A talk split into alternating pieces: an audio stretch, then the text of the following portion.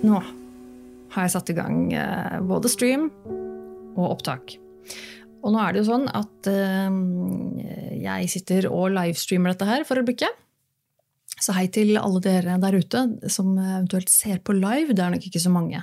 Jeg gjør dette litt uh, impulsivt når det, når det, passer meg på dagen. Så da hender det jo at det er noen som får det med seg og klikker seg inn uh, og ser på live. Det er veldig hyggelig. Um, hvis det er noen som har lyst til å komme med noen spørsmål eller kommentarer eller innspill eller et eller annet sånt noe, uh, underveis i livestreamen her på YouTube, så er det bare å gjøre det. Jeg skal sjekke kommentarene på slutten og komme tilbake til det hvis det er noe hvis det er noe. Um, men hvis du også kanskje der ute har lyst til å se dette på uh, YouTube i opptak, eller eventuelt kanskje følge med live, så gå inn på YouTube. da, Søk på uh, to, uh, Nerve. Søk på Nerve. Søk på Nerve. Eh, så finner du kanalen min der. Eh, abonner gjerne på den, og så sett på, trykk på bjelleikonet. Så får du en sånn liten eh, beskjed fra YouTube hver gang jeg går live. Så da kan du klikke deg inn og se på live hvis det skulle være noe som du har lyst til å, å drive med. Selv er jeg jo faktisk ganske fan av sånn, sånn livestream og sånn. Jeg har skjønt at det, jeg er en av de som, som liker sånn type innhold. Langformat, fri tale innhold eh, er jeg stor fan av. Både egentlig å se på, på YouTube og andre typer ting, og også i podkast. Jeg har skjønt at det, det, er rett og slett noe jeg digger. Jeg er heldigvis ikke alene om det. Det finnes jo mange sånne type show og programmer der ute, heldigvis.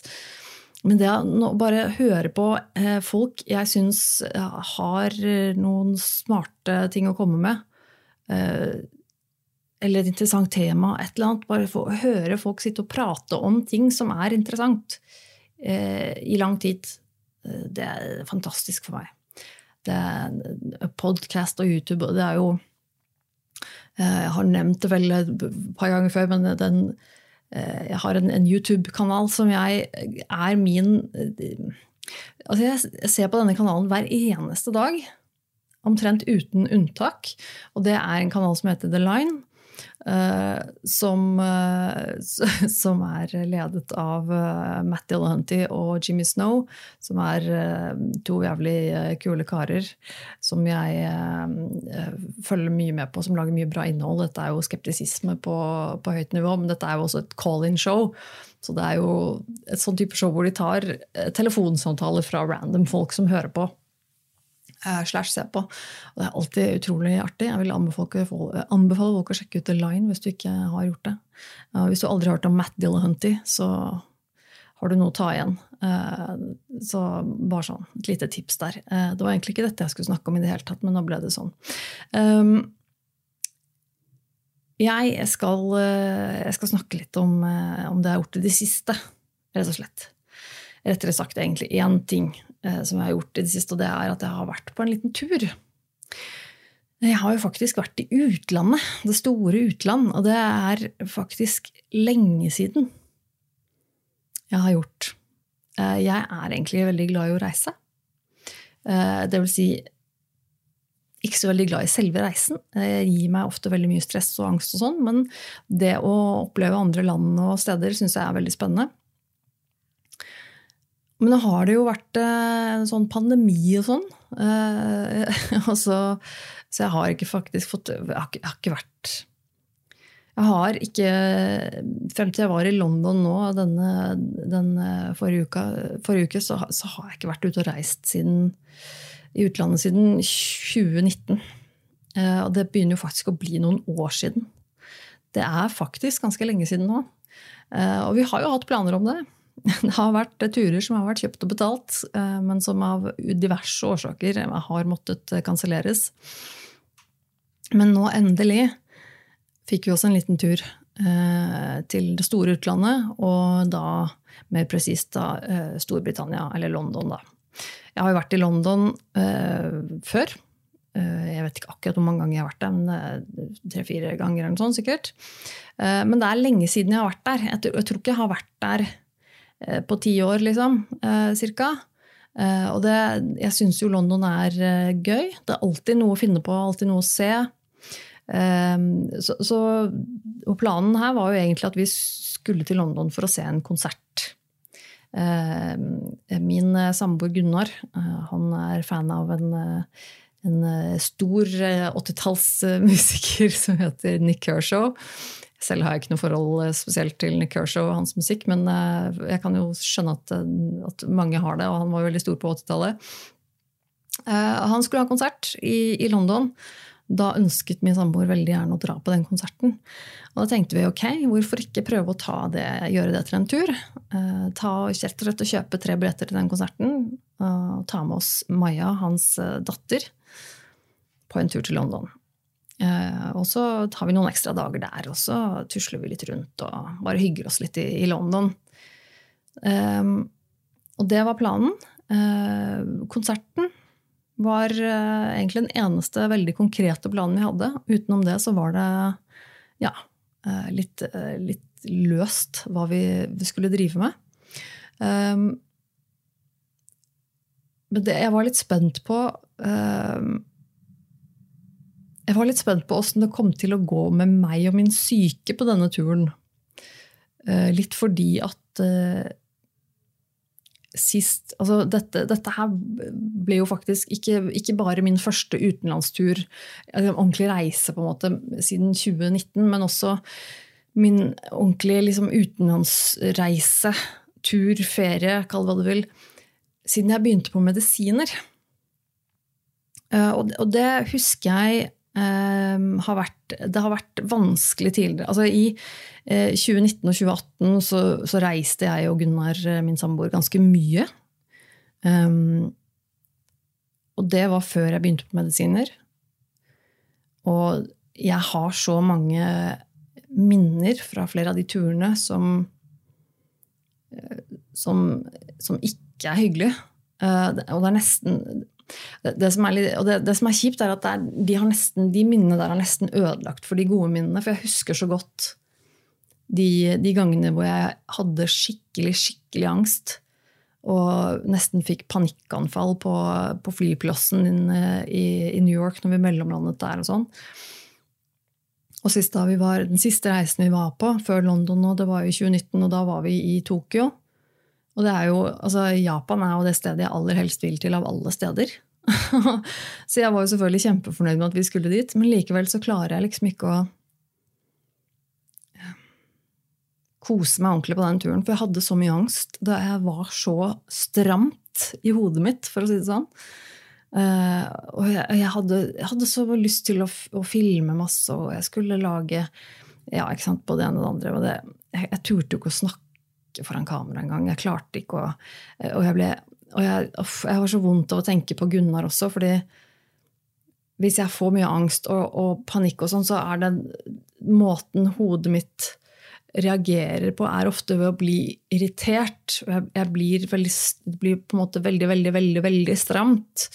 Um, og jeg prøver hele tiden å få kontroll og kompensere liksom, for angsten med å ha kontroll på alt. Og det er jo, jeg er jo ekstremt kontrollfrik, helt til sånn sykelig. Og hvis jeg føler at jeg ikke har kontroll, så blir jeg liksom irritert eller sint eller uh, utad. Uh, og når man, når man, er på reise og, får angst så ikke, Selvfølgelig har du ikke kontroll på alt. Det går ikke an. så jeg hadde jo angst hele tiden.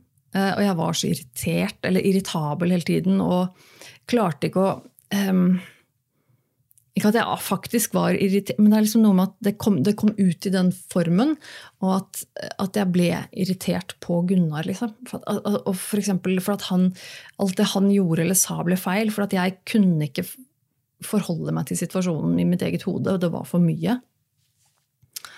Og det var, det var mange sånne øyeblikk på turen hvor jeg bare Så jeg var litt spent på, var litt spent på det. For, nå, for, det tenkte jeg på eh, etter at vi kom hjem fra den siste turen til Japan i 2019. Så, så begynte jeg på medisiner ganske raskt etter at vi hadde vært på den turen. og så husker jeg at jeg tenkte at jeg skulle ønske egentlig at, at jeg kunne ha, ha, begynt på de medisinene før vi reiste. Ikke rett før, da, riktignok, for det er jo ikke så veldig lurt. Men, eh, men, men, at jeg hadde medisinene da. For jeg følte at det kanskje hadde gjort en, en forskjell. Og nå er det jo selvfølgelig mye som har skjedd, da, uh, uansett, på de siste årene siden 2019 og sånn. Uh, som, så det er jo uansett vanskelig å si hvor mye de medisinene konkret har hatt å si på hvordan denne turen gikk. Men uh, i forhold til min psykiske helse så gikk det jo egentlig ganske fint. jeg vil jo egentlig si at det overraskende bra på mange måter. Um, det var én dag som ble litt vanskelig, skal jeg komme tilbake til. Men utenom det så følte jeg vel egentlig at jeg takla det meste ganske greit. Til og med sånne ting som er veldig stressende, med flyplasser og, og reising og tidspunkter og, og sånne ting som, som kan gjøre enhver en person stressa. Til og med det klarte jeg. Jeg følte jeg klarte å takle det ganske greit. Jeg var ganske god på å snakke til meg selv innvendig liksom underveis og si sånn Ok, men én ting av gangen. Nå skal du bare stå i denne køen her. Eh, det er bare en vanlig sikkerhetskontroll, og her er det ingenting du, du har forberedt alt, og du har ingenting du skal styre med eller trenger å være redd for. Eh, til og med ikke noen ting med deg i håndbagasjen som skal ut, annet enn iPaden. Dette er liksom veldig enkelt. Også sånn, og bare ta ett et steg av gangen, og så berolige meg selv underveis. Um, men så, så det gikk faktisk ganske bra. Uh, og vi kom til eh, London er litt usikker på akkurat første akkurat tidspunktet vi kom og landa der når vi kom fram. Men vi, vi kom nå fram til dette, dette, hotellet vi skulle bo rett ved Paddington togstasjon. Så det var ganske enkelt for oss å komme oss fra flyplassen og inn eh, til der vi skulle bo. Og det var et ikke spesielt fint hotell. Det er jo helt latterlig dyrt å bo i London. Um, så vi hadde ikke tatt oss råd til noe, noe, noe fint hotell. Uh, så det hotellet vi bodde på, var ja, helt ok. Ikke noe, ikke noe, fancy akkurat, ikke noe å skrive hjem om, liksom. Det var uh, men, men, Og det tidligere har jo også vært en sånn ting som jeg har uh, hatt problemer med. Eh, for jeg har liksom en del tanker om hvordan jeg vil at ting skal være, og litt sånn issues med at ting er skittent eller ikke. Og, og jeg har litt sånn Ja, altså Så jeg tenkte liksom ok, åssen skal dette gå? Jeg kommer til et hotellrom som er litt sånn uh, trestjerners, liksom. Og det gikk egentlig helt greit, altså. Og det, jeg overrasker meg selv stadig vekk med hvor, hvor, hvor mye eh, flinkere jeg er til å takle ting enn det jeg kanskje jeg gir meg selv kred for. Eh, for jeg For det, det var eh, støvete og ikke spesielt eh, eh, ja, altså det, det, var helt greit, men det var sånn, sånne ting som jeg syns på en måte øyeblikkelig er kjempevanskelig, og som jeg reagerer på, det er sånn eh, Det var tre senger der.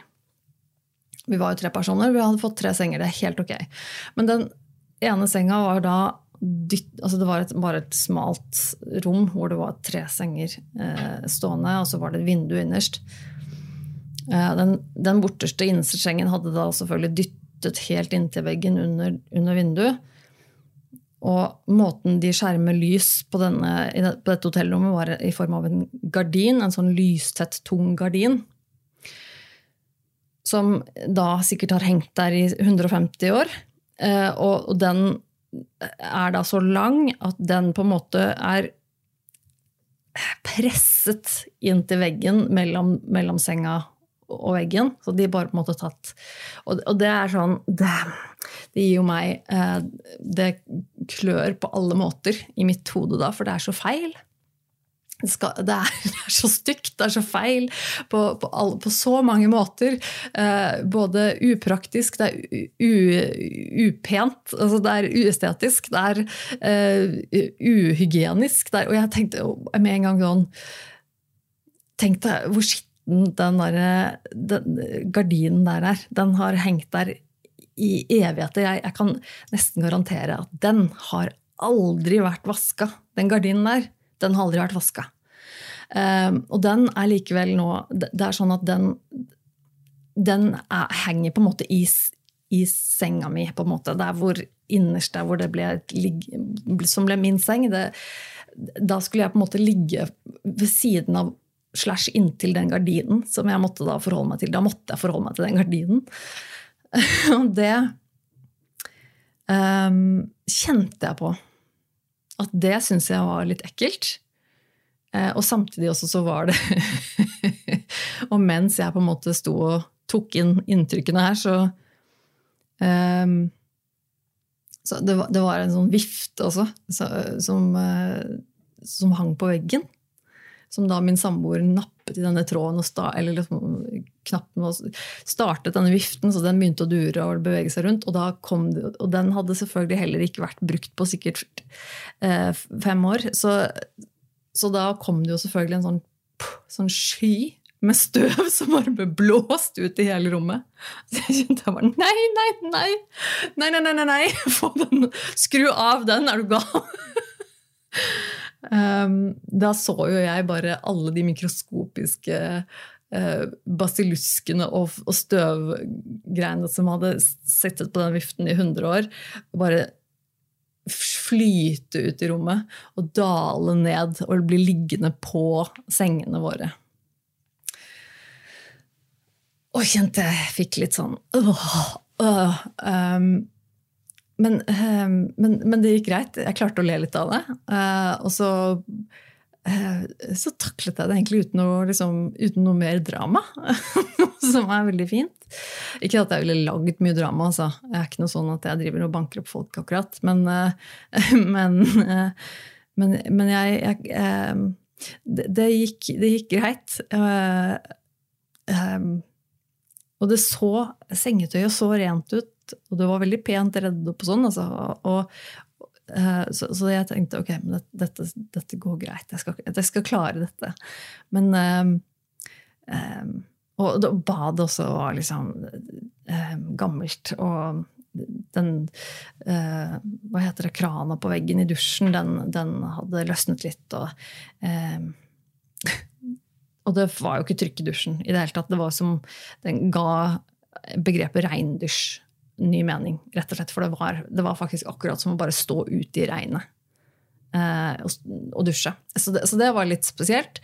Men eh, jeg klarte faktisk å bare ikke bry meg så mye om det. Um, og det er altså utrolig deilig å legge merke til at jeg klarer det. At jeg liksom klarte å ikke la det gå innpå meg. At ikke jeg klarte å liksom la det være en ting som plaget meg de dagene vi skulle bo der. Uh, så, så, det må jeg si. Ja, men det, så, så, det var et interessant, interessant hotellrom. men det var jo selvfølgelig ikke noe aircondition, så vi måtte sove med vinduene åpne. Heldigvis så gikk det an å åpne vinduene litt. Det var jo fint. Eh, men nei Jeg syns egentlig det var helt greit. Uh, men så skulle vi jo finne oss litt, litt mat. Vi kom jo liksom på, på kvelden tenkte at ok, vi får gå og finne oss en restaurant. Um, og så får jeg bare så vet jeg at det er sikkert noen av dere som allerede har hørt podkasten til, eh, til, Gunnar som heter Tomprat, hvor han forteller litt om dette her. Det, så det kan jo hende at noen av dere syns dette er kjempeuinteressant, for dere har hørt alt dette før. Uh, men nå, er det mitt perspektiv som gjelder. um, men uh, jo da. Så vi, vi skulle finne, finne, Men jeg vil uansett anbefale folk å gå inn og høre på Tomprat podkast. Gjør det. Um, så vi skulle finne et sted å spise. Og Gunnar og Maja de hadde jo vært her før, og de snakket om at det hadde vært en, en, en, en Pizza Hut-restaurant som de hadde et litt nostalgisk forhold til. Som de hadde litt lyst til å gå og finne, for den lå faktisk da tilfeldigvis ikke så langt unna det hotellet vi bodde på. Uh, og da fant vi ut hvor den må på kartet, og så var det sånn, ja, da skal vi gå dit. Og så gikk vi dit. Um, tusler litt gjennom uh, noen uh, eh, engelske gater og finner til slutt fram dette eh, stedet hvor denne Pizza Hut-restauranten skulle ligget. For da er, det bare nå et eh, tomt lokale. Så den er jo da tydeligvis stengt. Som jo var litt sånn nedtur. Men da må vi finne et annet sted, da. Så vi tuslet litt rundt i gaten der. Fant en, en italiensk restaurant. Um, som så helt ok ut. Absolutt ikke noe fancy. Uh, men ikke noe gatekjøkken heller, på en måte. Så vi gikk inn der, vi fikk et bord, der var det en del folk. Um, og det var uh, Virket jo for så vidt greit. Um, de hadde en del glutenfritt uh, til vår cøliaker-datter, å si. Og til en veganer som meg, eller i hvert fall helst veganer, eller de minste vegetarianer, så hadde de faktisk en del ting. Så jeg tenkte ja, yes, da her går vi. Og vi fant noe bestilte mat, og det var helt forferdelig, den maten. Uh, og der leste jeg måtte skrive til Gunnar, for jeg hørte episoden til Gunnar. Han snakket om dette her. Og han skrev at maten Han sa et, nei, skrev, han, han sa et eller annet i podkasten sin om at eh, ja, så fikk vi endelig den maten, og maten var helt ok, eller et eller annet sånt. Og, og så ble jeg helt sånn Hæ? er det sånn du husker det? Det var, det var, litt gøy for meg, for jeg tror han fikk en, en, en lasagne eller noe sånt, som, som han syntes var helt ok, som egentlig bare smakte veldig lite. De hadde en glutenfri pizza som uh, Maja fikk, uh, og det, den tror jeg var helt ok. Jeg fikk jo noen rester av henne fordi min mat den var helt uspiselig. Og var, det var helt sjokkerende. Fordi at jeg har det er ikke så ofte jeg er på restaurant og jeg får mat som er uspiselig. Det hender jo liksom at du får mat som, som er helt sånn eh, Nei, det, det, var liksom ikke Kunne vært litt mer sånn eller sånn, eller Men så spiser du liksom opp, og så er det liksom Ja, det var litt skuffende, men det er greit. Men dette her var faktisk uspiselig. Så jeg tok noen biter av det, og så var det på en måte bare Det smakte ingenting. Så smakte det som at dette her er en rett de bare har varmet opp i en mikrobølgeovn. Det er jo greit nok. Eh, eller ikke greit nok, men det er jo ille nok i seg selv. Men i tillegg så smakte det som om de hadde bare pøst på med svart pepper. Så den um, Og det er en så forferdelig Og jeg liker jo ikke sterk mat engang. Det er jo greit nok at noen kanskje liker det, men dette her kan jeg bare ikke forestille meg at noen hadde likt. For det er ikke godt når du bare har altfor mye pepper. Det bare stikker i munnen, og så smaker det ingenting. Uh, så jeg, jeg, ble litt satt ut, for jeg begynte å, endelig fikk jeg maten og begynte å spise. Det bare sånn, Men dette her kan jeg jo ikke spise. Dette går faktisk ikke an å liksom, spise av høflighet engang. Uh, ikke bare smaker det dårlig, eller liksom, smaker ingenting og er ikke noe godt, men det er sånn Det gjør fysisk vondt i munnen min av å spise denne maten. Og når du er sulten og sitter på restaurant, så er det forferdelig, forferdelig frustrerende.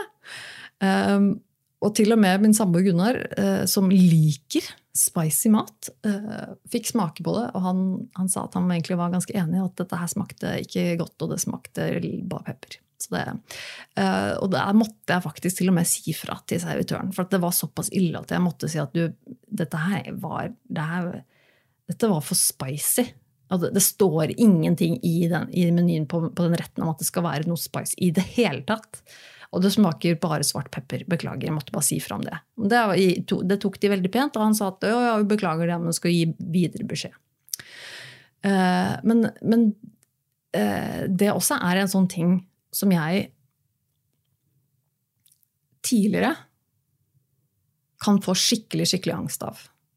Og det er noe med at jeg blir da kastet inn i en sånn situasjon som jeg ikke er forberedt på. Som er veldig ubehagelig. Og spesielt når det gjelder mat, som jeg også syns er vanskelig. Jeg har jo issues med mat. Dette her vet vi jo alt om da. og det å da bestille en ting på restaurant, ha en forventning om, om, om mat, ha en, en, eh, et bilde av hva du kommer til å få, Eh, og en forventning om at det skal smake, i hvert fall innenfor en, en viss eh, skala. så, eh, så, så kan man selvfølgelig bli veldig skuffa når man får noe helt annet. Men da, i mitt tilfelle så har det tidligere vært eh, et sånt brist på min kontroll, noe som gir meg veldig mye angst. Eh, når jeg føler at plutselig så sitter jeg i en situasjon som jeg ikke var forberedt på. Jeg har ikke kontroll. Dette her eh, er ubehagelig. Og, og, i tillegg så er det mat, som også er en sånn situasjon som for meg alltid har vært vanskelig. Jeg hadde jo altså, Tidligere var det jo så ille at jeg kunne, ikke, jeg kunne ikke spise mens andre mennesker var til stede. Det er heldigvis ikke så ille lenger, men det har på en måte, så, så det har vært et issue for meg lenge, dette med mat. Så, um, så, og da merker jo jeg at i den situasjonen der, så, så syns jeg det er ubehagelig. Og jeg blir frustrert, og jeg er selvfølgelig veldig irritert. Det er jo helt eh, Altså det er jo helt uakseptabelt å servere en sånn rett på en restaurant. Det, det er jo det, skal jo ikke gå. ikke sant? Det er jo, det er ikke greit i det hele tatt. Men sånn skjer. Uh, og, og, nå etterkant så kan jeg jo kikke tilbake på den situasjonen der og tenke at, at jeg takla det så mye bedre enn jeg nok hadde gjort tidligere. Uten, kanskje pga. medisinene, hvem vet. Kanskje det er fordi jeg har jobbet meg gjennom ting og blitt flinkere på å takle ting. Kombinasjon, hvem vet. Um, men, men, det var en ting jeg tenkte på først etterpå, at det var faktisk en sånn situasjon som, som tidligere kunne gitt meg ordentlig panikkanfall. Uh, som, som, på en måte kunne blitt uh, nesten som katastrofe og ødelagt hele kvelden min, og kanskje til og med ødelagt for de andre også, fordi at jeg hadde nok takla det ganske dårlig. Altså, det har vært um, Jeg husker bare altså, jeg var de, I den perioden jeg ble kjent med Gunnar, uh, altså for fem år siden, da, eller hva det blir, hvor jeg var hjemme hos han når datteren hans også var på besøk, og han lagde middag til oss. Um, og dette her var som sagt veldig tidlig i vårt bekjentskap, så vi, jo, vi kjente hverandre ikke så veldig godt. Uh, og han lagde middag til oss og, og, serverte på en måte, ga oss en tallerken med middag her til deg. Vær så god, vær så god. Og så ga han meg en tallerken med et stykke med laks på. Altså fisk. Og jeg var jo veganer. Um, og i tillegg ekstreme kontrollissues. Og, og jeg husker at jeg Jeg husker at han ga meg den tallerkenen. Så fikk jeg panikk. Og så fikk jeg, enda, så fikk jeg panikk også fordi jeg, jeg, visste at jeg, her kan jeg ikke få panikk. fordi nå skal jeg bare nikke og smile og være takknemlig, og, og, han er så snill mot meg. Og samtidig så sitter datteren hans her, så jeg kan jo ikke frike ut nå. Uh, så jeg husker, at jeg, husker det, jeg husker det øyeblikket så godt. At jeg satt der og følte meg helt fanget i en sånn indre panikkfølelse som var helt forferdelig. Og så kunne jeg ikke si noen ting. Så jeg frøs jo helt i panikken. Altså det var helt Ja, uansett. Um, det er jo heldigvis en sånn ting vi kan le av nå etterpå. Men, men også så denne situasjonen da, på denne London-restauranten uh, London som bare og så, og så, gikk det så greit uh, med min syke, og det er veldig fint å se på. Uh, tilbake på nå, og, og, liksom reflektere litt rundt det at jøss yes, um, ja, det var, det var fint. Eh, så eh, noe fint kan man jo plukke ut av en sånn situasjon likevel, til tross for at maten var totalt ræva. Så, så, så ble det en fin prøvelse for min del. Um, dagen etterpå var vi på en måte den, den dagen jeg kanskje likte aller best av de dagene vi var der. Tror jeg. Kanskje. I hvert fall en av de aller beste dagene. Vi var ikke der så mange, ganger, eh, så mange dager, men da dro vi rett og slett til eh, Camden Town i London, eller Camden Market. Eh, hvor jeg ikke har vært før. Eller ingen av oss egentlig hadde vært der før, og det var litt artig. Hvis du ikke vet, vet noe om det, så er ikke det så rart, for så vidt. Jeg hadde ikke egentlig hørt om det tidligere, jeg heller, når jeg har vært i London. Så det var min venninne Line som tipset meg om det. Takk skal du ha, Line, for det var et kjempebra tips. Og det er, det er, rett og slett bare et, et, område med veldig mye små butikker og smågater og eh, eh, Hva var det eh, Var det et, et av disse eh, et av disse stedene, byggene, eller, hva har visst vært en, en, Var det en stall, eller noe sånt? Uh, nå husker jeg selvfølgelig det litt dårlig, men det er et sånn kjempegammelt murbygg liksom, da, som, med sånne kjempelange ganger. Eh, som, hvor det da er på en måte staller, altså båser, små på, på hver side bortover, eh, som da er blitt gjort om til butikker. Eh, og så er det masse smågater og kafeer og butikker, sånne boder og ting. Altså. Og det er um, rett og slett veldig veldig kult. Og så er det jo kult når du er i et sånt land som, eller by, land, eh, by som London, da, hvor det er stort. For da har du plutselig masse rare butikker og mye mer kule ting enn det vi har i Oslo f.eks. Her er det jo veldig begrensa hva du finner av type butikker. Og um, finner du plutselig butikker med litt sånn sære type ting som jeg liker, som liker svart og uh, litt sånn um, goth-klær, kanskje, hva man skal kalle det. Eh, litt sånn alternativ stil, da. Så var det litt sånn gøy, plutselig så var det en del av det der, og så kunne jeg shoppe litt, og så var det litt for dyrt, og så ja, ja. men sånn. Eh, men en kjempefin tur. Uh, det ble kaffepause og mye gåing, gåing, gåing, gåing. Og veldig, veldig koselig. Um, så det er absolutt å anbefale. Dag nummer tre var vel kanskje da jeg begynte å merke det. Og da, da Dag nummer tre var den dagen vi skulle på konsert på kvelden. Eh, og jeg merka allerede liksom, på, på, formiddagen, på, tidlig på dagen da vi gikk ut og skulle spise frokost, og sånn, så, så merka jeg at nå er ikke jeg helt på topp. For da er det sånn at jeg, jeg kjenner at at, at, det er veldig mye småting som irriterer meg, og som, som gnager. Og som, som um, Så jeg blir på en måte irritabel og, um, og, og litt sånn angstete. Og, da, og, det er liksom et sånt tegn jeg vet på meg selv om at, at det er en hva skal jeg si, litt sånn sårbar Hei, Kaila. Hei, du lille venn. Hei, du. Er du våken? Um, en litt sånn sårbar situasjon.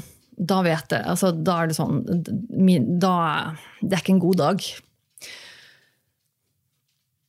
Så vi, vi gikk litt rundt, prøvde å finne, eh, prøvde å finne å spise, frokost, tusla litt. Eh, siden vi skulle på konsert på, på, kvelden, så hadde vi litt lyst til å um, kanskje ikke gjøre så altfor mye på, på, dagtid. Vi tenkte at ok, vi kan dra inn til liksom, sentrum, da, altså type Oxford Street og Regent Street og sånn, de kjente store gatene, hvor vi for så vidt har vært før, men, men, det kan jo være litt gøy, og jeg tror uh, uh, Maja hadde lyst til å kikke litt der og uh, se om vi kunne shoppe litt og sånn. Det er jo helt, helt fint. Um, men jeg ble, så, jeg ble så sliten. Jeg husker at jeg husker egentlig ikke så mye av hva vi dreiv med den dagen. Eh, det er ikke sikkert vi gjorde så veldig mye heller, men jeg var veldig sliten sånn fysisk. Jeg fikk vondt i beina og var veldig sånn Jeg eh, hadde ikke lyst til noen ting. Veldig eh, Ja, for da, da, plutselig så var det som om hele inntrykket av at nå er vi i en annen by, nå er vi et annet sted, alle inntrykkene, alle lydene, ikke minst, Eh, det begynte liksom å å, å, å, si, sive inn og ha en effekt på meg. Um, og jeg kjente jo Jeg, jeg visste at vi, vi, skulle på konserten den kvelden, og jeg, jeg kjente at jeg, jeg, gruet meg så innmari. Um, for, kjente, for, det var liksom enten, enten så må du være med på konserten, noe som noe som føles helt forferdelig. Det å gå på konsert. altså I utgangspunktet så, så har jeg bare eh, funnet meg det at jeg liker ikke å gå på konsert. Jeg er ikke en konsertperson. Eh, selv om det er musikk jeg liker. Da, da, kan jeg gjøre unntak. Hvis det er på en måte noe, noe band eller et eller annet som jeg er veldig glad i, så, så, kan jeg gjøre et unntak. Men jeg er ikke noe glad i å gå på konsert. Det er ikke noe jeg liker å gjøre. Um, det er veldig mye støy. Eh, naturlig nok veldig mye bråk, men det er veldig mye folk, det er veldig mye inntrykk. det er veldig mye... Eh, og det, det, er, det, gjør meg ekstremt sliten. Og så får jeg veldig lite ut av det personlig. Så det, det, er en sånn situasjon jeg helst prøver å unngå. Jeg er ikke noe glad i å gå på konsert. Og det å gå på konsert på en dag som det, hvor da psyken var ganske skranten Jeg kjente at jeg gruet meg veldig. Eh, det, det var sånn skikkelig skikkelig vond klump å, tenke på at jeg skulle at jeg skulle på en konsert senere. Jeg gikk og grua meg og grua meg. Og grua meg. Og så, og så grua jeg meg like mye til å Og så, så, var det på en måte Jeg fant ikke noe det var liksom ikke noe god løsning på det. for Enten så måtte jeg bare late som ingenting og være med på den konserten og lide meg gjennom det, selv om det var noe av det verste jeg kunne tenke meg å gjøre. akkurat der og da. Um, og så var den, på den andre siden så var det liksom det å si ifra da, til Gunnar og, og Maja og, og, liksom ikke bli med. Jeg syns jo det var like ille. Uh, å liksom skuffe dem og si at jeg vil ikke være med, eller jeg kan ikke, eller sånn, jeg orker ikke, eller og jeg vet at dette er en konsert som betydde mye for, for, Gunnar. Og jeg hadde jo veldig lyst til å stille opp og bli med. Det var jo derfor vi var der. Vi skulle jo dit for å dra på den konserten. Og, og jeg hater jo det. Jeg syns det er helt forferdelig å, å skuffe folk og, og si liksom at nei, nå orker ikke jeg å bli med på det der likevel. Uh, så jeg gikk jo jeg, jeg, gikk hele den dagen og, og var ganske dårlig. Og samtidig grudde meg veldig til Enten å måtte gå på konsert eller å skuffe de andre. Um, og så ble det sånn at jeg til slutt uh, Og vi bestemte oss for at vi, etter at vi hadde gått litt rundt i byen, så skulle vi hjem til hotellet og ha en liten pause. Og bare slappe av litt på hotellrommet før vi skulle reise på den konserten. Så jeg tenkte at ok, da blir det på en måte testen hvis jeg drar på det hotellrommet og kjenner at, jeg, at, det hjelper å sitte der litt, og jeg føler meg up to it, så kanskje det går å være med. Og hvis ikke, så er det på en måte da Da går det ikke. Og det gikk ikke. Eh, det kjente jeg ganske fort. Jeg tror jeg sovnet av litt, duppet av litt eh, der. Og, og våknet, og det begynte å nærme seg til at vi, at vi måtte dra til konserten. Og, og jeg, eh, jeg, jeg klarte ikke. Det var bare helt helt uaktuelt for meg å bli med på en konsert da. Um, dessverre. Uh, så, så, så, var det ikke det. Hadde, hadde jeg ikke vært så dårlig liksom, i form den dagen, så hadde jeg jo klart å komme meg gjennom det, selv om konsert ikke er det kuleste jeg vet. så er det sånn, Jeg kan gå på en konsert, liksom. Uh, og jeg hadde jo lyst til å være med og, og gjøre det for, for Gunnars skyld, men jeg måtte bare skuffe og si at vet du hva, beklager. Det går ikke. Men da var det også veldig godt for meg å vite at han hadde med seg Maja. At det ikke bare var meg han var der sammen med. Det hadde vært enda verre. Men han kunne jo heldigvis ha med seg datteren sin. Så de dro på konsert sammen. Og veldig kult av Maja også å bli med, for jeg tror ikke Maja syntes det var kjempestas. Hun hadde jo ikke noe forhold til Nick Kershaw, selvfølgelig. Hun er jo 16 år gammel. Så, men øh, nå, da var jeg i hvert fall det unnagjort. og jeg, eh, jeg, håper Gunnar koste seg. Jeg vet at Han, han sa jo etterpå at han syntes lyden var litt dårlig. Noe som var skikkelig dårlig. altså skuffende. Det skjønner jeg at han var veldig skuffa over. Um, når du er på konsert, så er i hvert fall lyden viktig. Så det var ah, det, så det var litt kjipt. Uh, jeg må jo si at jeg, jeg føler liksom at det, var litt min skyld at, uh, at det ble en litt sånn så som så omlevelse Uh, vi skulle jo til London for å dra på konsert, og så ble hele de konsertgreiene bare drit, liksom. Så føler jeg, litt, jeg har litt dårlig samvittighet for det. Føler det var litt min skyld. Men det er ikke så mye jeg får gjort noe med nå, i hvert fall. Og så var det bare sånn det ble, altså. Så jeg er lei for det, Gunnar. Men uh, neste gang, kanskje. Det går bedre. Um, så det var vel egentlig den, den dagen eh, hvor jeg følte liksom at, det, at, det, skikkelig traff meg. Det der med at oi, nå er jeg på tur. Eh, det her var helt nytt sted. Spesi men spesielt det der med lyden. Um, det var noen, noen tanker jeg, jeg, gjorde meg også i uh, etterkant, og mens jeg var på hotellet. mens Jeg ventet, altså jeg var jo på hotellet mens de andre var på, på konserten. Så, um, så, var det noe med at det var, den, det var, det var lyden. Uh, mye av det også. Ehm, jeg, selv om jeg bor i Oslo og er vant til å bo i en by, altså å ha bystøy Jeg har jo ikke noe imot bystøy. Syns jo generelt det kan være litt hyggelig å ha litt sånn bystøy i bakgrunnen. Ehm, men det blir jo litt, litt annen eh, av en litt annen kaliber i, i London. Og jeg ble nok uh, mer påvirket av det enn jeg nok innså. Uh, også det der med at når du sitter på en restaurant eller frokostkveld, at det hele tiden er mye støy, det er dårlig akustikk på restaurantene, det er veldig sånn eh, alle, altså Gatene ute på, blant mennesker, T-banen, alt, alt, bråker liksom mer. Det er mer bråk. Og det er veldig mye inntrykk, mye, mye folk, mye ting som skjer um, hele tiden som, som er, belaster hjernen min. Uh, så jeg kjente at det, da de hadde dratt på konsert, og jeg ble igjen på hotellrommet, så kjente jeg at det var det helt riktig for meg å gjøre. Jeg sov lite grann. Um, men også var det egentlig bare det at jeg trengte den tiden der på å bare ha ro. Uh, både liksom fysisk uh, i, i, på, i, meg selv, sitte liksom rolig uh, og, og, ha ro rundt meg. At det ikke var masse ting som skjedde rundt meg. Også lyd. At det på en måte ble rolig. Um, så ja. Jeg er nok, ganske, jeg er nok, jeg er nok litt mer sensitiv for, for, lyd og den type ting, eh, tror jeg, enn en det jeg kanskje har um, lagt merke til før. Uh, muligens. Hmm. Um, men uh, dag fire, som var den siste hele dagen vår der, det, den var også utrolig god. Da hadde vi uh, en, en, løs plan. Det var, jeg hadde sett for meg, eh, det nevnte jeg jo også tidligere før vi reiste, at jeg hadde sett for meg noen sånne museer.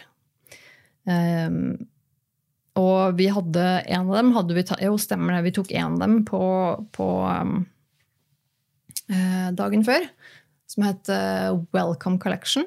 Som bare var ganske interessant, må jeg bare si. Det, de, jeg så selv at de hadde beskrevet det selv som eh, utstillingen som en, en blanding av um, En blanding av science and art. Altså, og da, da, da skjønte, tenkte jeg litt på ja, ok, jeg kan skjønne det, for det, det, var ikke så mye science, det var mest art. Og så var det ikke det jeg hadde lyst til å se. Så, og så var den ganske liten, og så viste det at vi kanskje hadde glipp av, gått glipp av halvparten, fordi jeg tror kanskje det var en etasje til. Men, men uansett, det var liksom, ja. Og så var ikke jeg helt i form den dagen. Så jeg var så glad for at vi hadde tatt det museet på den dagen. Ehm, for da gikk jeg virkelig ikke egentlig glipp av noen ting. Eh, for det var to museer igjen da vi hadde besøket dagen etterpå. Og det er jeg skikkelig glad for at vi gjorde. Og det er eh, to steder som absolutt kan anbefales. Eh, på mange måter veldig like, men veldig forskjellige også. Vi starta dagen Eh, museumsdagen, disse to besøkene. Eh, det første besøket gikk til et museum som heter The Hunterian Museum. Um, som er uh, oppkalt etter en, en skotsk kirurg som heter John Hunter. Og dette er en samling av Altså det står, På Wikipedia så står det at dette er en, en samling hvor i, i 1799 så Eh, kjøpte myndighetene denne samlingen av denne skotske kirurgen, da, John Hunter. Eh, og den, den, eh, utstillingen her, den er nå um, Den ligger i samme, bild, i, i samme building, i bygningen hvor du også finner Royal College of Surgeons of England. Så det sier jo litt det er, Dette er jo eh, medisinske specimens som er da samlet, og dette er uh, veldig sært og, og, kult og spennende og interessant. Um, det, det, står um, bare veldig kort på, på, Wikipedia så står det uh, at dette er uh, da samlingen til denne John Hunter. Um, som som også har blitt uh, supplemented by others, including an odontological collection. Uh, altså en, en tannodontologisk, altså det handler om tenner, uh, kolleksjon. Um, og The Natural History Collections of Richard Owen. Så dette er jo en, da, en samling hvor de har Jeg tror det sto at det var over 2000 samples, sånne, sånne krukker med formalin på. Uh, og da er det alt fra liksom uh, Det er både dyr og, og menneskelevninger. Uh, indre organer. Det er skjeletter. Um, det er um, også noen Altså noen sånne si, misfostre. Det, det, det, heter vel egentlig, egentlig, ikke det. Eh, men altså, noen sånne eh, spesielle tilfeller av dyr som på en måte er, har fått en eller annen rar utvekst eller vokst en ekstra et ekstra hode. Altså, det er noen sånne ting som er veldig sånn, eh, merkelige eller sånn snodige. Og så er det en del sånne altså, eh, og, det, og, det, er jo utrolig interessant, for det har du jo på en måte eh, på display så kan du jo se hvordan en kreftbyll ser altså sånn, eh, Du har hjerner og altså, og de hadde eh, fostre, menneskefostre, av alle stadier av, av, eh, av uh, pregnancy. Nå står det helt stille. Ja, du skjønner hva jeg mener. Uh, og de hadde, hadde også da et, et, nyfødt barn som var, hadde dødd da rett etter fødsel, som også var på utstilling. Og det er ganske spesielt. Uh, Eh, samt også masse liksom, menneskelige hodeskaller og, og, sånne ting. Og menneskelige levninger er jo, det er jo litt spesielt. Det er jo noe man skal selvfølgelig vise litt respekt for. Og det sto også tydelig skiltet på uh, i starten av um, inngangen på museet at, at, man, at, man, skulle ha respekt for disse, disse, levningene, og at det ikke var plassert der for at folk skulle legge ut bilder på sosiale medier. Uh, og sånne ting, og Det, det syns jeg er fint. Det, det er helt, um, helt, ok å minne folk om at, dette, at man skal ha litt respekt for, uh, for levningene. Og selvfølgelig så er det noe litt spesielt når, man, når det er et menneske, eller det har vært til et levende menneske. Men jeg føler jo også altså For meg så, min, min, hjerne er jo med en gang sånn Hvorfor er det forskjell på mennesker og dyr? Dette er jo, Man skal ha like mye respekt for de dyrene her som det du skal ha for de menneskene. Men jeg skjønner jo at ja, mennesker vi liker oss selv best. Men det, eh, det var en utrolig kul samling. Og det var så mye å se på. Eh, at det tok ikke lang tid før jeg ble liggende langt etter Maja og Gunnar. Eh, og jeg er jo sånn, jeg, jeg vil jo helst se alt. Jeg, jeg får jo totalt fomo. Så, så, jeg blir jo helt sånn Å, jeg må ikke gå glipp av noen ting. Jeg må, jeg må, få med meg alt. Tenk om det er en eller annen sånn skikkelig kul ting som jeg ikke ser, hvis jeg ikke kikker i hver eneste hylle. Og jeg syns jo alt er kjempeinteressant. Så det var jo en um, Det var en uh, fantastisk høydepunkt for min del. Um, også veldig kult at det var, det var veldig nytt. Um, og jeg, jeg, la så vidt merke til det på, uh, i, i, Google etterpå, for jeg hadde jo sjekket litt om hvor det lå sånn på, i Google Maps, og bla, bla, og så så jeg jo egentlig det at det var ganske nyåpne. Jeg mener å huske at det um, uh, Altså, den samlingen her er jo gammelt. Uh, åpenbart. 1799 er forholdsvis gammelt, det er ganske lenge siden. Uh, sånn at, og det har stått der også tidligere, fikk jeg inntrykk av at det har vært en utstilling der, men den har vært stengt i mange år. Uh, og at de nå hadde da tydeligvis renovert og laget en helt ny utstilling og gjort en helt ny greie ut av det, som da hadde åpnet i mai 2023. Så vidt jeg husker og leste riktig. Så den er jo helt ny. Uh, og det bar den veldig preg av. Uh, både liksom museet, uh, sånn, sånn, utformingen og, og, det at det var veldig sånn fresht og, og, pent og proft. Um, og det, det, det, det, var litt kult, fordi det, det gjorde um, Det bygget litt opp under den respekten man det ga til, til, til prøvene, altså spesimenene. Hva, hva heter det på norsk? disse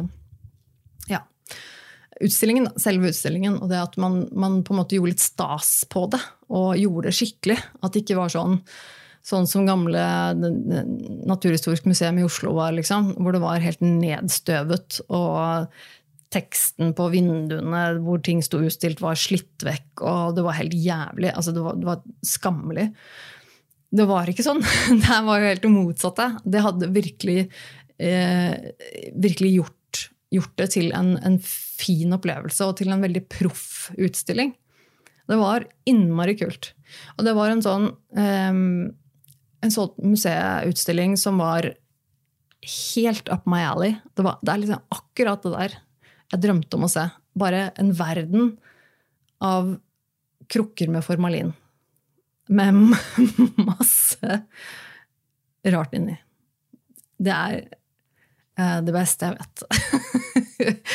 så eh, det, var, det, var, kjempegøy. Eh, så hvis du skal til London, hvis du har lyst på en litt, eh, litt annerledes ting å se, litt, litt, annet museum enn det du kanskje har gjort før, noe, noe skikkelig ekte, utfordrende, kult, eh, spennende, så dra på Hunterian Museum. Det ligger jo sentralt i, i London, så det ja, det vil jeg virkelig anbefale.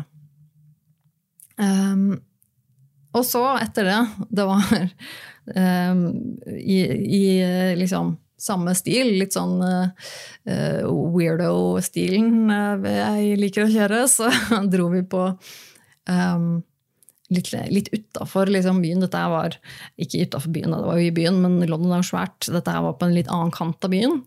Ehm, så skulle det ligge et uh, bitte lite sånn krypinn som skulle være noe rare greier, som jeg hadde funnet på nettet. Um, som heter um, The Victor Wind Museum of Curiosities and Unnatural History. Og det er jo Dette er selvfølgelig noe jeg må se. Altså, hallo! Det er jo bare helt åpenbart at vi må dra dit. Og det var uh, det sto på, på Google, og jeg sjekka at det var eh, knøttlite. Eh, og det var det. Det er uh... Oi, unnskyld. Det kom bare akutt et par nys her nå. Um, det er knøttlite, og det er, det er Det er jo en helt annen Selv om vi er på en måte i samme tema, så er det jo en helt annen skala. For dette her er jo, eh, så vidt jeg skjønte, så er eh, altså Victor Wind er jo egentlig bare en random en samler. En, en type som fortsatt lever, så vidt jeg har skjønt. Jeg tror ikke han er så gammel. Som, som, har samlet da, tydeligvis mye sånn kuriositeter og rariteter og merkelige, bisarre samleobjekter som man da har kommet over i løpet av livet sitt, som man har samla som da er samlet i denne lille bula. um, I liksom en sånn liten rar utkant eh, av London som var litt sånn småshabby. Uh, det er egentlig bare et hull i veggen. En fasade med en dør og et vindu, liksom. Uh, og litt sånn kul svartmalt, og det står litt sånn uh, håndmalt sånn oh, Victor Winds Museum, og, og så er det jo selvfølgelig stappa fullt i vinduet, og masse sånne rare planter eh, ting og dukker og ditt og datt og merkelige greier. Og så er det jo, når du går inn der, så er det egentlig en, en, bar som er på en måte uh, den, hele den etasjen. Så det er en, en, bar, en bardisk. Um, og så er det noen sitteplasser innover. Det er veldig mørkt. Uh, mørkt der. Altså, veggene er liksom mørke, og det er altså, dekket med sånne rariteter overalt. Og spesielt i den Ehm, eh, Oppi den, den baren eller pubområdet så var det jo veldig mye sånn eh, utstoppa dyrehoder og sånn. Um, og de hadde et skap der med, som var litt sånne små merch-ting til salgs, noen bøker og sånn. Um, og altså en skikkelig Eh, veldig sånn kult sted, egentlig. Ja, og, og veldig, veldig, et sånn type sted som jeg godt kunne tenke meg å bare sitte og tatt et glass vin. liksom, bare fordi det var, Her er det sånn Oi, her kan vi sitte og kikke og eh, bare snakke om alt mulig rart. Her er det liksom noe i tak og vegger overalt. er det liksom rare ting som henger. Um, og det er litt sånn um, holdt jeg på å si koselig stemning. Det høres kanskje litt rart ut, men det er litt sånn dunkel belysning. Og det, og det, ikke, og det, og det er, lite, så det er liksom ikke noe sånn masse folk der. Og det er litt sånn sært. Sånn, ja, jeg, jeg, liker det. Uh, og så var det da bare en sånn liten virveltrapp uh, midt i lokalet som på en måte var ned til, uh, til selve utstillingen. Så Uh, kom inn der, og så hei, hei, og så sier vi at vi skal her for å se på utstillingen. Og ja, ja, så bra. Og så kostet det så og så mye per person. Det var en sånn liten inngangs, uh, inngangsbillett, holdt jeg på å si.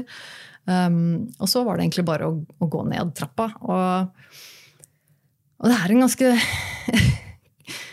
spesiell, uh, surrealistisk opplevelse. Det er en imponerende samling.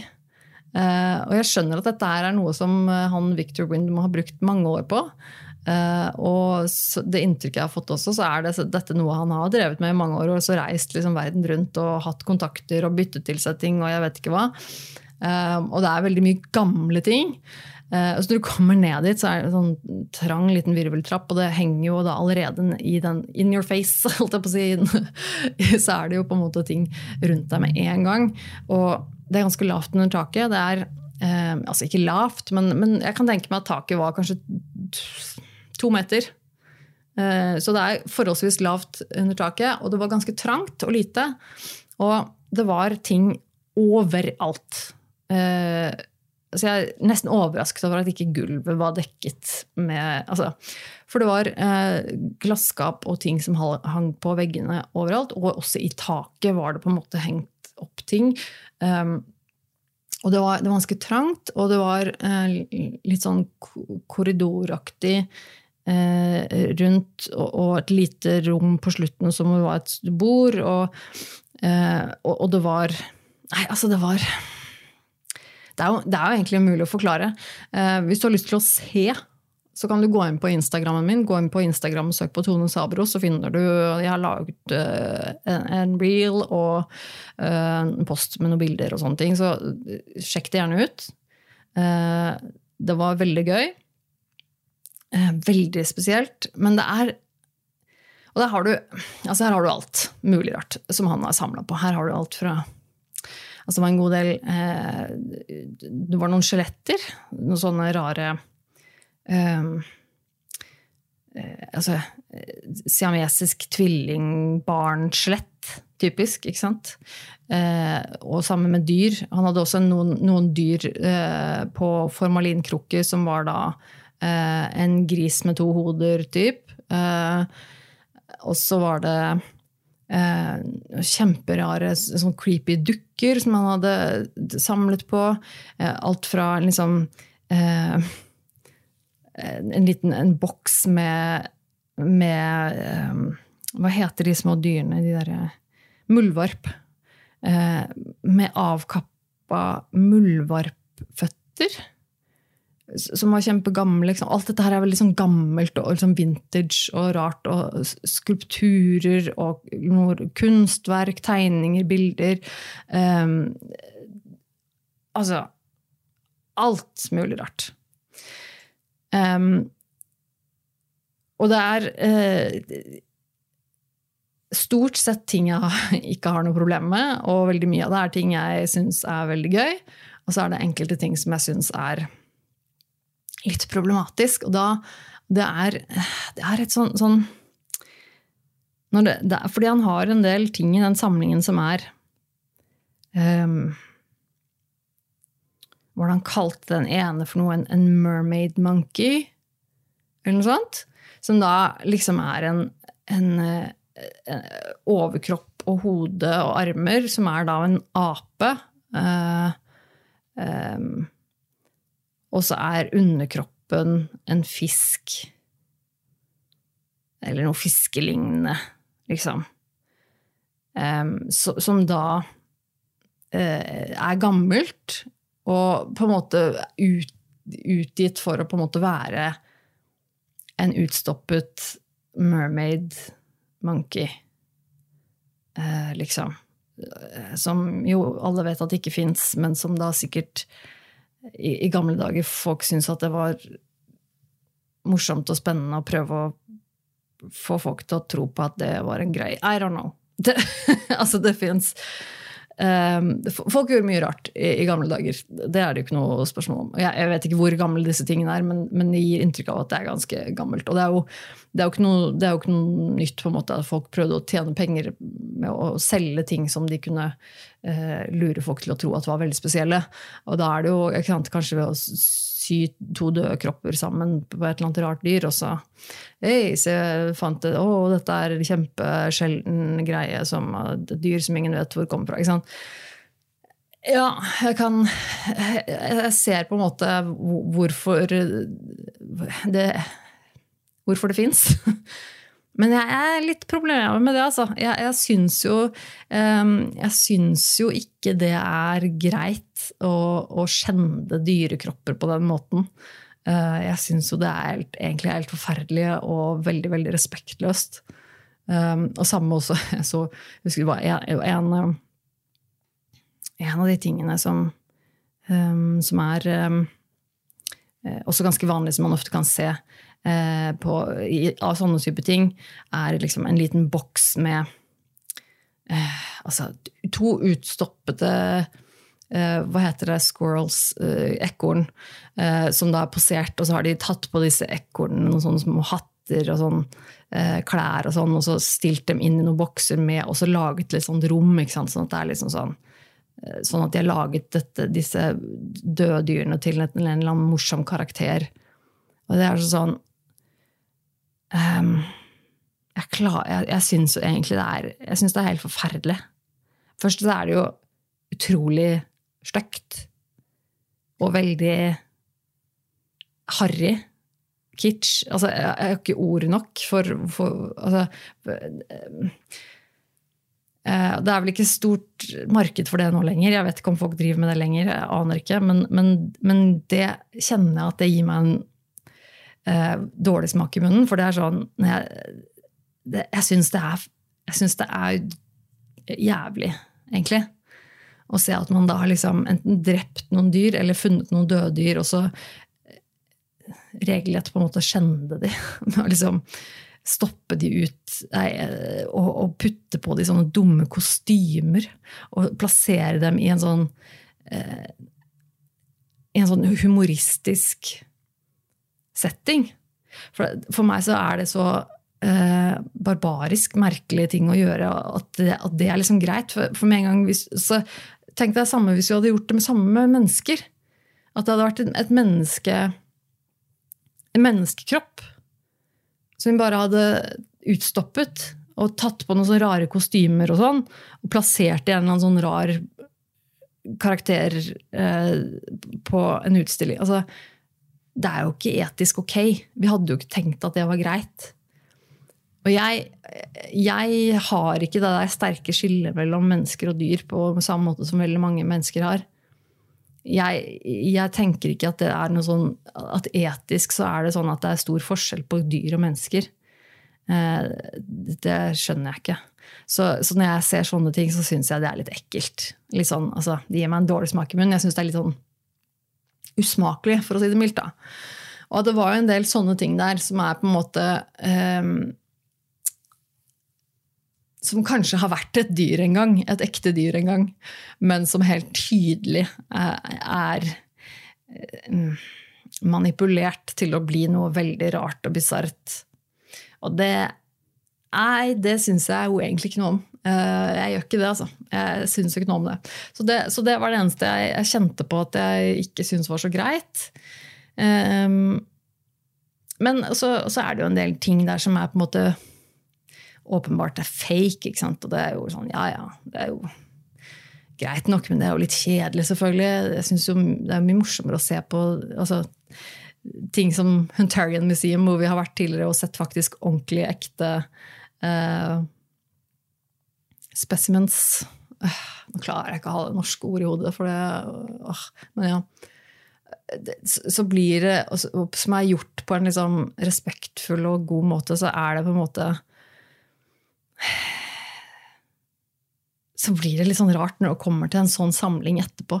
Men, men nei, det var det, det, var, det var veldig gøy og det er jo mye der som er absolutt helt innafor, som bare er samleobjekter, og som er eh, helt oppriktig utrolig eh, kult og, og liksom eh, godt gjort å finne, på en måte.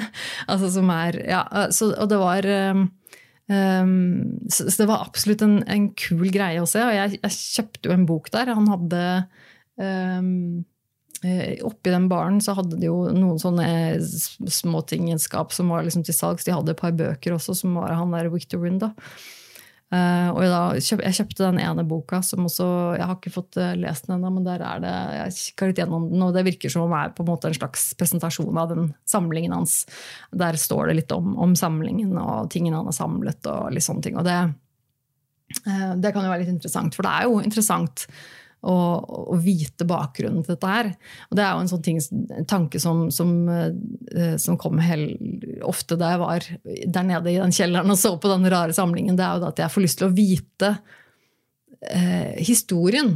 Jeg får lyst til å vite hvor er det disse tingene kommer fra. Hva, hva i all verden er dette for noe? Um, det er liksom det, for det er på en måte halve, halve spenningen, syns jeg. Um, det, det, er liksom å, å, få vite historien og, og hva hvor gammelt det er, hvor kommer det fra, hvorfor, hvorfor har det gjort dette? Hva, hva trodde, altså, og det at det sto det hadde jo altså, alt mulig rare artifakter fra diverse rare religioner rundt omkring. ikke sant? Og, eh, han hadde en sånn morsom liten en sånn random ting som sto på en liten hylle. ikke sant? En sånn lit, bitte liten sånn glassgreie med noe sånn som vann og noe sånn noe trepinne og noe sånn tråder noe sånn rare greier inni. Eh, som sto at det var en love potion. Eh, fra en eller annen sjaman et eller annet sted. Uh, og så har han skrevet en lapp da, hvor han skrevet litt mer om det. Sånn. Det, det syns jeg, jeg, er spennende. Det er artig. Uh, så det var absolutt en, en veldig uh, kul opplevelse. Så, og det, er, det var riktignok litt klønete å komme seg dit. Det her var som sagt ikke noe sånn sentralt i London by, liksom. Det, men men det går fint at det kommer seg dit via, via kollektivt i London. Og, eh, så det var, det var, absolutt verdt et besøk. Det vil jeg absolutt påstå. Eh, Victor Wind. Museum of Curiosities and Unnatural History. så det, det, var, det var siste dagen. Og det føler jeg at det var en utrolig fin avslutning. Dagen etterpå så var det egentlig bare utsjekking klokken 11 og tusle oss til stasjonen. Utrolig deilig å ligge rett ved toget, som bare tok 15 minutter, rett til Heathrow. Uh, og der hadde vi god tid. Det også er utrolig deilig. Bare trenge å ikke stresse, liksom. Kjenne at liksom, dette her går fint. Um, det, det, det, var, det var bra. Eh, å ha god tid på flyplass er noe jeg absolutt eh, prioriterer, for å si det sånn. Um, og det var, eh, så det var en utrolig, en utrolig fin tur. Og det er et, altså På dag nummer to eller et eller annet sånt, så var, er på en måte det nærmeste Så kommer det liksom en sånn følelse som er det nærmeste jeg har hatt av lykke på ja, vet ikke, mange år en sånn følelse hvor du liksom bare åh, dette her var fint. Nå, nå, har, jeg det, nå har jeg det bra. Hvor jeg da er eh, på tur med eh, de to beste menneskene i verden. Eh, og bare får oppleve et interessant sted hvor jeg ikke har vært før, og bare gå rundt og kikke og oppleve. Det var, det var utrolig fint. Jeg håper jo det at jeg um, kan få reist litt igjen. Så får vi jo se hvordan det skal gå til. Um, men um, ja. Og så etter, etter, at jeg kom fra London, så ble jeg sjuk. Så jeg har vært sjuk noen dager nå. Det går heldigvis bedre, men uh, jeg, uh, jeg, merker at jeg, jeg er helt i toppform. Pluss at jeg Jeg savner samboeren min, altså. Jeg gjør det. det å, jeg begynner å merke det at det å ikke bo sammen um, mesteparten av tiden, det, det, er ikke noe jeg liker. For å si det sånn. Jeg, jeg, jeg syns ikke det er så veldig ålreit. Det er en situasjon hvor um, ja, jeg føler egentlig at det, det meste, altså situasjonen, mitt, mitt, liv per nå, er egentlig en veldig um, en, en, en uønsket situasjon, for å si det sånn. Det er, det er, jeg syns ting er trått. Det er ikke så mange ting, aspekter av livet mitt nå som, som, er som jeg skulle ønske det skulle være. for å si det sånn. Og det er, det er, litt, det er litt, tungt. Men, men nei, vi, vi, får se. Dette her ble nå i hvert fall en, en episode jeg sliter veldig for tiden med dette Hva jeg driver med. Uh, hva jeg lager, og hva jeg skal. og Dette er livet her, liksom. Hva, hva, hva, skal man bruke det til? Hva skal man gjøre med tiden sin? Um, alt de tinga der. Det, så jeg får stadig vekk tanker om at jeg bare skal drite i alt av liksom podkast og YouTube og sånn. Bare fuck it. Um, men jeg, jeg, har ikke gitt opp ennå. Så får vi se hvor lenge jeg holder ut. Men um, nei, jeg, jeg, jeg, skal runde av, jeg. Nå begynner jeg å bli skikkelig sliten i stemmen. Jeg ser også at uh, streamen min er, er frøset. Bildet, bildet, på streamen er frøset.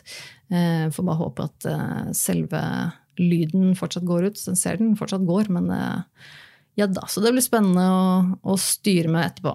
Men jeg skal nå i hvert fall få lagt ut denne episoden her i podkasten, og så um, ja, er det ikke så fryktelig uh, mye mer å si, annet enn at jeg håper at uh, hvis du har noe på hjertet, så kom gjerne med det. Send meg gjerne en, melding i sosiale medier, eller du kan sende meg en mail på nervemetone.gmail.com.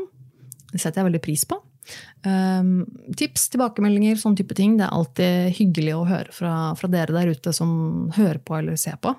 Uh, så får jeg liksom følelsen av at jeg sitter ikke her helt alene. Det er alltid, alltid hyggelig. Så um, ja. Så gå inn på, på, YouTube og søk meg opp der. Uh, husk å abonnere og alle de tingene der. Og så um, ja. Vi høres igjen. Pass på deg selv så lenge. Så pause. Ha det.